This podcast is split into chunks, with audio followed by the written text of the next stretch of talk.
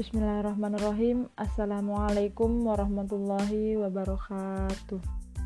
Alhamdulillahirrabbilalamin Allahumma salli ala Muhammad wa ala ali Muhammad. Uh, Hari ini bagaimana kabarnya teman-teman?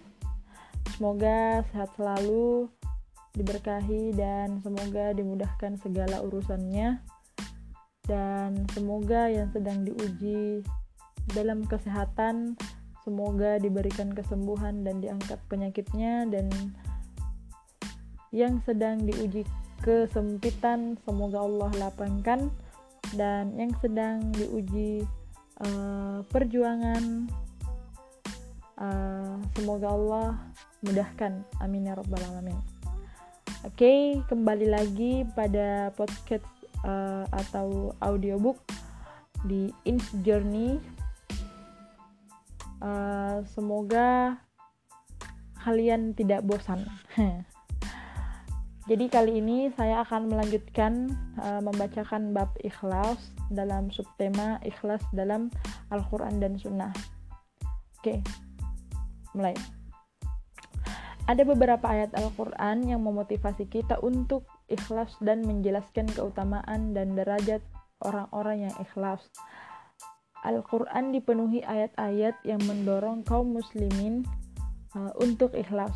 Allah berfirman dalam Quran Surah Az-Zumar ayat 2 sampai 3. A'udzu billahi minasy syaithanir rajim.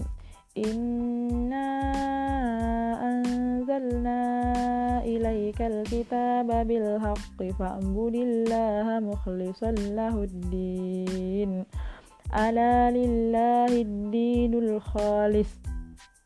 Yang artinya sesungguhnya kami menurunkan kitab Al-Quran kepadamu Muhammad dengan membawa kebenaran. Maka sembahlah Allah dengan tulis ikhlas beragama kepadanya. Ingatlah hanya milik Allah agama yang murni dari syirik.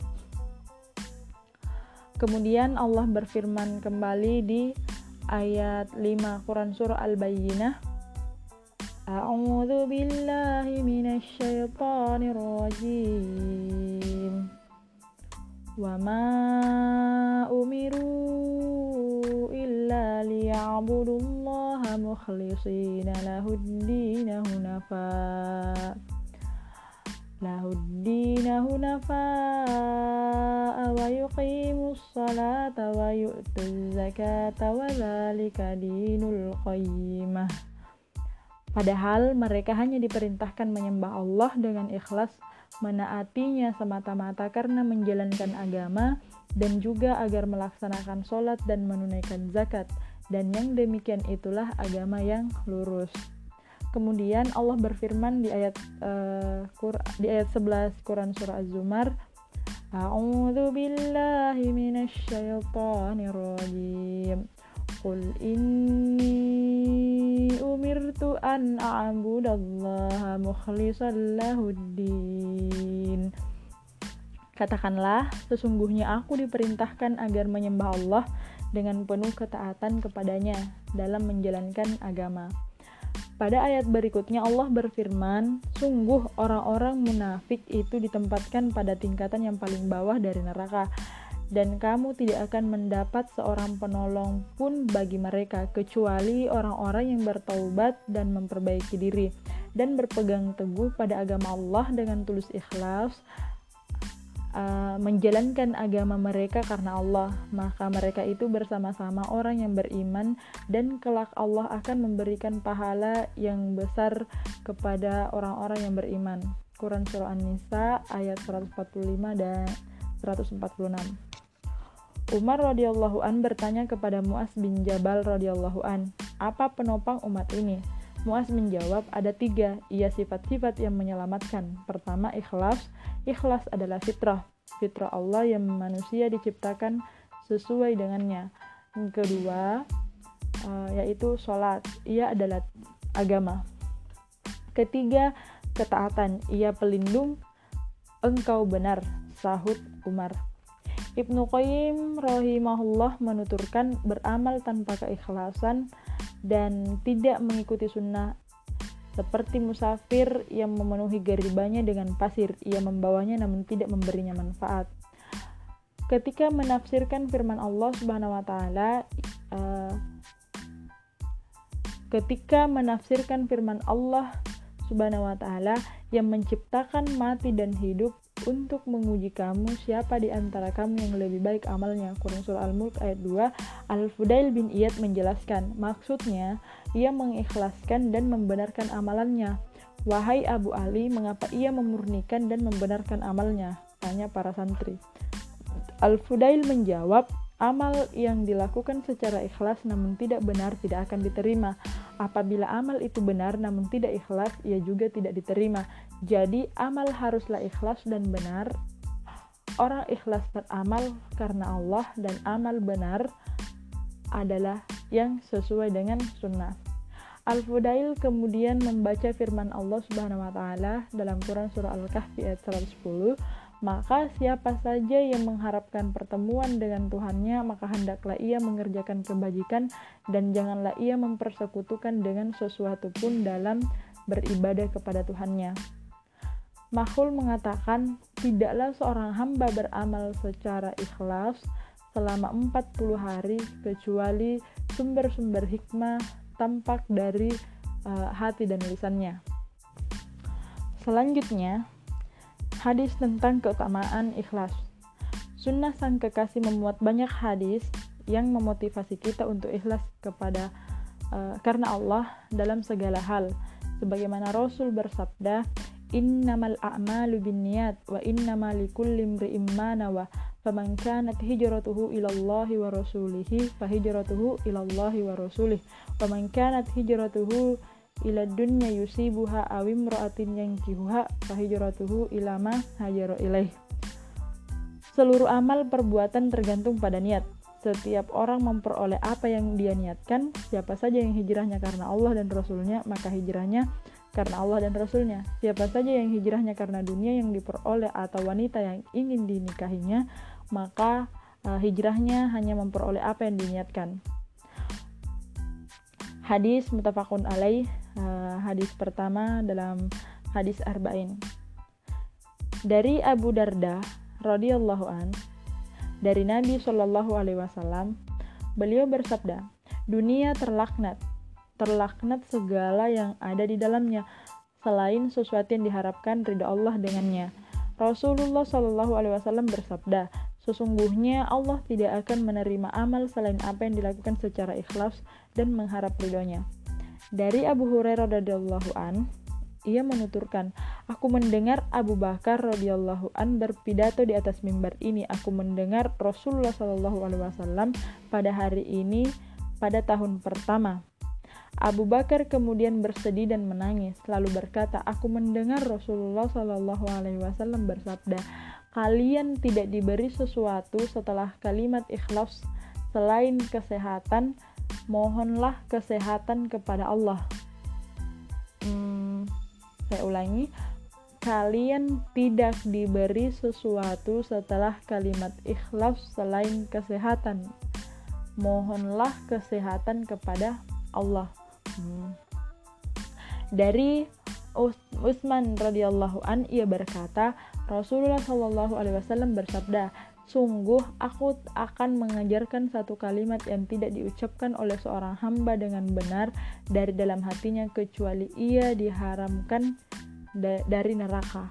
Umar bin Khattab menanggapi beliau, "Aku akan sampaikan kepada Tuhan kalimat apa itu, yaitu kalimat ikhlas yang dengan kalimat ini Allah Subhanahu wa taala memuliakan Muhammad dan para sahabatnya." Ia adalah kalimat takwa yang digunakan Nabiullah untuk menggugah pamannya Abu Talib saat maut menjemput yaitu kesaksian tiada ilah yang berhak disembah selain Allah atau uh, bahasa Arabnya la ilaha illallah. Diriwayatkan dari Abu Hurairah radhiyallahu an bahwa ia berkata, pernah ditanyakan wahai Rasul pernah ditanyakan, "Wahai Rasulullah, siapakah orang yang paling bahagia mendapat mendapatkan syafaatmu pada hari kiamat?" Rasulullah Shallallahu alaihi wasallam menanggapi, "Wahai Abu Bakar, sungguh Aku mengira tidak akan ada seorang pun yang bertanya padaku tentang hadis ini yang lebih berhak darimu karena keinginanmu yang kuat terhadap hadis. Orang yang paling bahagia dengan syafaatku pada hari kiamat adalah orang yang mengucapkan La ilaha illallah dengan ikhlas dari hatinya atau dari dirinya. Dari Ummul Mukminin Ummu Abdillah Aisyah radhiyallahu anha ia berkata, Rasulullah Shallallahu alaihi wasallam bersabda, sekelompok pasukan akan menyerang Ka'bah. Ketika sampai di tanah lapang, mereka semua dibinasakan dari barisan depan hingga barisan akhir. Aisyah berkata, "Saya bertanya, wahai Rasulullah, bagaimana mereka semua dibinasakan dari barisan depan hingga barisan akhir?" Sementara di antara mereka uh, ada kalangan yang membela, ada pula yang tidak membantu mereka. Beliau menjawab, mereka dibinasakan semua dari barisan depan hingga barisan akhir, kemudian akan dibangkitkan menurut niat mereka. Uh, hadis riwayat mutafakun alaih. Uh, selanjutnya, dari Ibnu Abbas radhiyallahu an ia berkata, Rasulullah shallallahu alaihi wasallam bersabda, tidak ada hijrah setelah penaklukan Makkah selain jihad dan niat. Apabila kamu dipanggil untuk berjuang, berangkatlah. Hadis riwayat mutafakun alaih. Diriwayatkan dari Abu Firas, seorang penduduk Aslam, ia berkata, seorang memanggil, "Wahai Rasulullah, apakah iman?" Beliau menjawab ikhlas. Dalam redaksi lain disebutkan Rasulullah Shallallahu Alaihi Wasallam bersabda, bertanyalah padaku tentang apa pun yang kau mau. Seorang pria bertanya, wahai Rasulullah, apakah Islam? Beliau menjawab, mendirikan sholat dan membayar zakat. Apakah iman? Beliau menjawab ikhlas. Apa itu yakin? Tanyanya lagi. Beliau menjawab percaya. Uh, hadis sahih diriwayatkan oleh Baihaqi dalam Asyuab uh, 5 garing 342. Dari Ibnu Abbas radhiyallahu an bahwa dia orang uh, pria perkasa eh dia ada dia uh, maaf dari Ibnu Abbas radhiyallahu an bahwa dua orang pria berperkara dan memohon keadilan kepada Nabi Shallallahu alaihi wasallam. Nabi Shallallahu Alaihi Wasallam meminta penggugat untuk menunjuk, menunjukkan bukti. Namun ia tidak mempunyai bukti. Beliau meminta tergugat untuk bersumpah. Ia pun bersumpah dengan nama Allah yang tiada ilah yang berhak disembah kecuali Allah. Rasulullah Wasallam bersabda, sungguh engkau telah melakukannya, tetapi Allah telah mengampunimu atas keikhlasanmu mengucapkan la ilaha illallah. Uh, hadis Hasan diriwayatkan oleh Abu Daud dalam sunannya 3199. Dari Abu Hurairah radhiyallahu an ia berkata, aku mendengar Rasulullah wasallam bersabda, ketika kamu mensolatkan jenazah, maka ikhlaskan doa untuknya. Bersumber dari Abdullah bin Az-Zubair radhiyallahu an, ia meriwayatkan setiap kali Nabi wasallam uh, selesai sholat, beliau selalu membaca tidak ada Tuhan yang berhak disembah kecuali Allah dan tiada sekutu baginya. Miliknya lah kerajaan dan miliknya lah segala pujian. Dia maha kuasa atas segala sesuatu. Tidak ada Tuhan yang berhak disembah selain Allah dan memurnikan agama untuknya. Sekalipun orang-orang kafir membenci ahli membenci ahli kenikmatan, keutamaan dan pujian yang baik, tiada ada Tuhan yang berhak disembah selain Allah dengan memurnikan agama untuknya sekalipun orang-orang yang uh, membenci.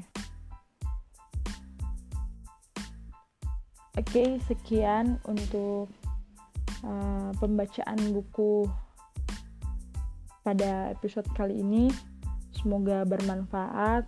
Jika ada salah kata, saya memohon maaf dan atas apa yang kita dengarkan hari ini. Semoga Allah memberkahi uh, sehingga kita bisa dimudahkan untuk mengamalkan apa-apa yang telah uh, kita ketahui ilmunya.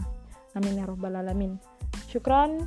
Uh, eh, sampai jumpa pada podcast selanjutnya. Selamat mendengarkan. Assalamualaikum warahmatullahi wabarakatuh.